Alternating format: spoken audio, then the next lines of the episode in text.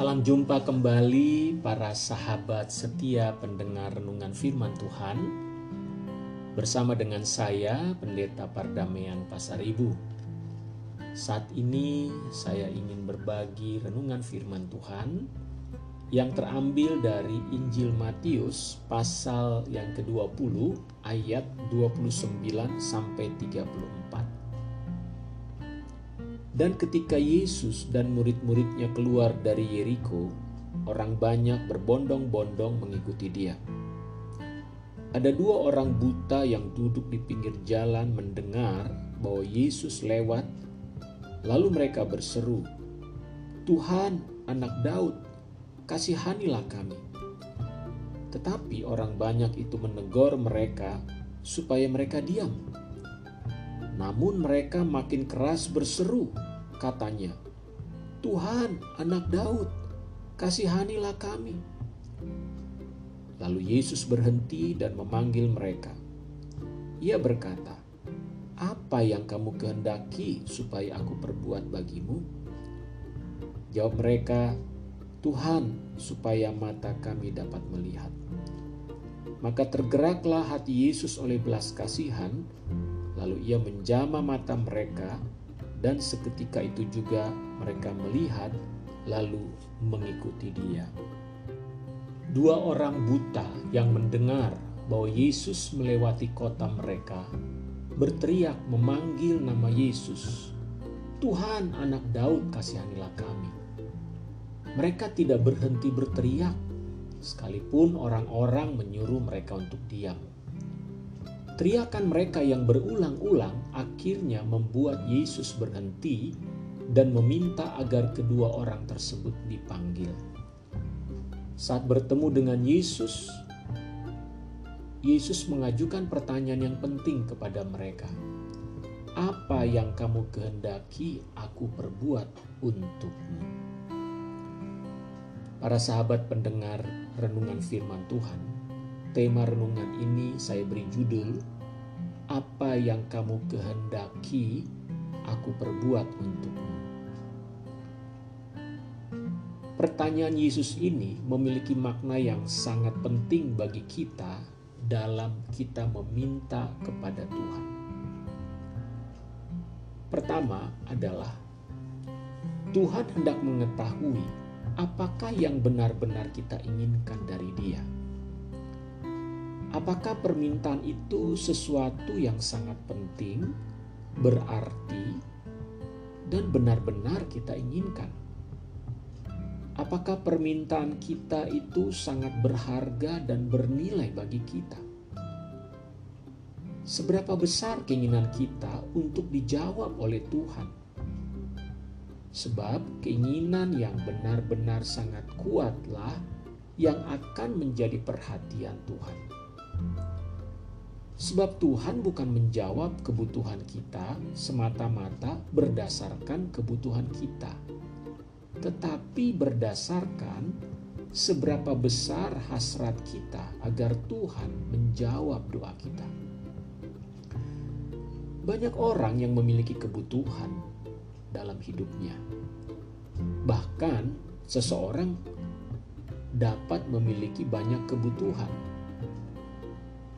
namun, Tuhan akan memberikan perhatian terhadap orang-orang yang memiliki hasrat yang sangat kuat atas kebutuhannya tersebut, dan mereka berseru kepada Tuhan dengan penuh hasrat. Mengapa hasrat menjadi penting? Karena hasrat yang kuat akan memiliki pengharapan yang besar dan pengharapan yang besar melahirkan iman yang kuat. Kedua orang buta ini menunjukkan hasrat yang sangat kuat untuk kesembuhannya, sehingga mereka berteriak dengan kuat berkali-kali memanggil nama Tuhan. Sehingga Yesus harus menghentikan perjalanannya dan memanggil mereka serta mengajukan pertanyaan tersebut. Para sahabat sekalian, makna kedua dari pertanyaan Yesus tersebut adalah Tuhan tidak membatasi keinginan mereka untuk meminta. Sebab meskipun Yesus tahu bahwa mereka berdua dalam keadaan buta, tetapi Yesus tidak berasumsi bahwa permintaan mereka adalah untuk dapat melihat. Yesus memberikan kebebasan kepada mereka untuk meminta apa saja yang memang mereka inginkan dari Yesus. Tuhan ingin mereka meminta dengan bebas, tidak takut dengan apa pun yang hendak mereka minta atau inginkan. Yesus jelas hendak menolong dan menjawab sesuai permintaan mereka. Ini merupakan pelajaran penting bagi kita saat kita berdoa kepada Tuhan, yaitu jika kita berdoa memohon kepadanya, Tuhan menghendaki kita datang kepadanya dengan hati yang merdeka, bebas dari rasa takut. Tidak ada keraguan apakah Tuhan berkenan atas permintaan doa kita. Apakah permohonan yang kita sampaikan layak di hadapan Tuhan? Mungkin saja permintaan kita bagi orang lain sepertinya tampak aneh, sedikit nyeleneh, atau konyol. Pertanyaan Yesus tersebut memberikan kita kebebasan untuk mengajukan permintaan kepada Dia, karena Dia ingin kita mengetahui dan percaya bahwa Dia dapat melakukan apa saja bagi kita, karena bagi Dia tidak ada yang mustahil. Yesus tidak pernah marah ataupun tersinggung karena permintaan yang diajukan kepadanya. Pada suatu ketika, ada seorang ibu dari dua orang muridnya, yaitu anak-anak Zebedeus, yang meminta kepada Yesus agar kedua anaknya tersebut ditempatkan pada posisi di sebelah kanan dan kiri Yesus pada saat Yesus kelak bertakhta dalam kerajaannya. Namun mendengar permintaan tersebut Yesus tidak marah ataupun serta-merta menolak serta mengatakan bahwa permintaan tersebut tidak boleh diajukan. Sebaliknya, Yesus menjawab bahwa mereka tidak paham mengenai permintaan tersebut karena dua hal. Pertama, ada syarat dan konsekuensi yang berat untuk dapat menduduki posisi tersebut, yaitu mereka harus meminum cawan penderitaan Yesus. Kedua adalah bahwa Bapa di sorga yang memiliki otoritas untuk memutuskan siapa yang berhak untuk menduduki posisi tersebut. Yesus tidak berhak untuk memutuskannya. Membaca kisah di atas memperlihatkan kepada kita sebagai murid-muridnya bahwa Yesus adalah Tuhan yang bersedia untuk menjawab permintaan kita dia memberi kesempatan kepada setiap orang untuk datang dan mengajukan permintaan kepadanya tanpa ragu, takut, ataupun bimbang. Dia tidak membatasi permintaan kita. Yesus tidak marah ataupun tersinggung dengan permintaan yang kita ajukan kepadanya. Sebaliknya, dia memberi kebebasan bagi setiap orang untuk mengajukan permintaan apa pun kepadanya. Namun dia ingin orang-orang menyampaikan keinginannya dengan jelas. Yesus jelas melihat bahwa kedua orang itu dalam keadaan buta. Tetapi Yesus bertanya terlebih dahulu tanpa berasumsi bahwa mereka ingin disembuhkan dari kebutaannya. Sebab Yesus hanya menjawab sesuai dengan permintaan dan iman mereka. Walaupun Yesus tahu mereka buta, tetapi Yesus ingin agar mereka mengutarakan apa yang mereka butuhkan. Akhir dari kisah ini adalah Yesus menjawab permintaan mereka.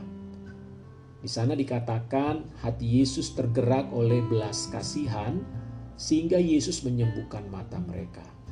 Dan kedua orang buta itu pun dapat melihat.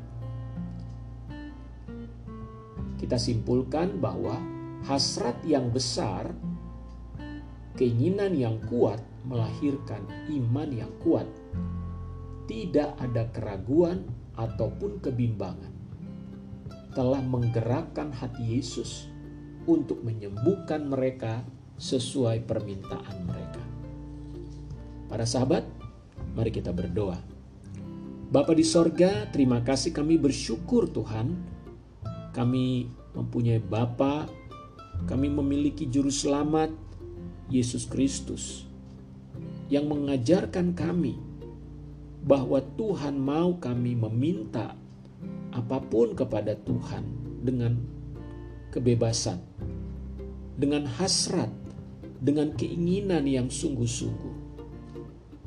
Engkau menghendaki kami dan memberikan kepada kami kesempatan untuk meminta apa saja tanpa ada keraguan sedikit pun. Terima kasih Bapa di sorga, sungguh Engkau Bapa yang baik bagi kami. Tuhan biarlah kami yang mendengarkan renungan ini, para sahabat yang sedang bergumul dengan berbagai macam persoalan dalam hidup mereka, yang memiliki berbagai kebutuhan.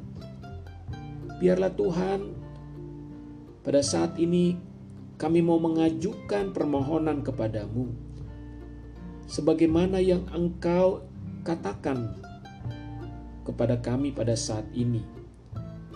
Apakah yang kamu kehendaki aku perbuat untukmu? Tuhan kami percaya tidak ada yang mustahil bagimu. Dan kami percaya engkau mendengar, engkau menjawab doa-doa kami. Terima kasih Tuhan Yesus. Pada saat ini hamba berdoa memohon kesembuhan untuk mereka yang sedang sakit. Tuhan mendengar doa kami pada saat ini dan kami percaya karena Yesus Kristus engkau Tuhan yang sudah melakukan kesembuhan itu 2000 tahun yang lalu melalui kematianmu di atas kayu salib. Terima kasih Tuhan. Kami mengikat segala roh jahat yang berada di balik sakit penyakit yang sedang diderita oleh anak-anakmu saat ini yang mendengarkan renungan ini. Kami patahkan dan hancurkan segala roh penyakit apa pun dalam tubuh mereka. Penyakit COVID-19, penyakit paru-paru, penyakit kanker, jantung, ginjal. Dalam nama Yesus Kristus, kami usir dan kami perintahkan pergi dalam nama Yesus Kristus. Tuhan terima kasih kuasamu menyembuhkan setiap anak-anakmu. Demikian juga yang mereka sedang bergumul dengan berbagai persoalan, keuangan, persoalan rumah tangga. Tuhan pulihkan. Kami berdoa kuasamu turunlah atas mereka ya Bapa. Hamba berdoa biarlah kuasamu memulihkan hubungan yang rusak suami istri, orang tua dengan anak, kakak beradik. Pulihkan ya Bapa dalam nama Yesus Kristus dan mereka yang sedang bergumul untuk pekerjaan, untuk bisnis, untuk keuangan. Mari Tuhan, di dalam anugerahmu, Engkau memulihkan segala sesuatunya. Terima kasih Bapa di sorga, kami mengucap syukur.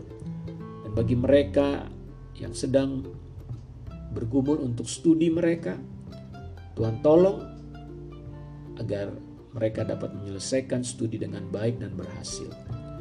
Terima kasih Tuhan, terima kasih. Kami mengucap syukur kepadamu ya Bapa. Biarlah berkatmu turun atas setiap anak-anakmu pada saat ini. Dalam nama Tuhan Yesus Kristus kami berdoa. Amin. Puji Tuhan, para sahabat sekalian, Tuhan Yesus memberkati. Bagikanlah renungan ini, firman Tuhan ini kepada teman-temanmu, keluargamu, mereka yang membutuhkan kiranya menjadi berkat. Shalom.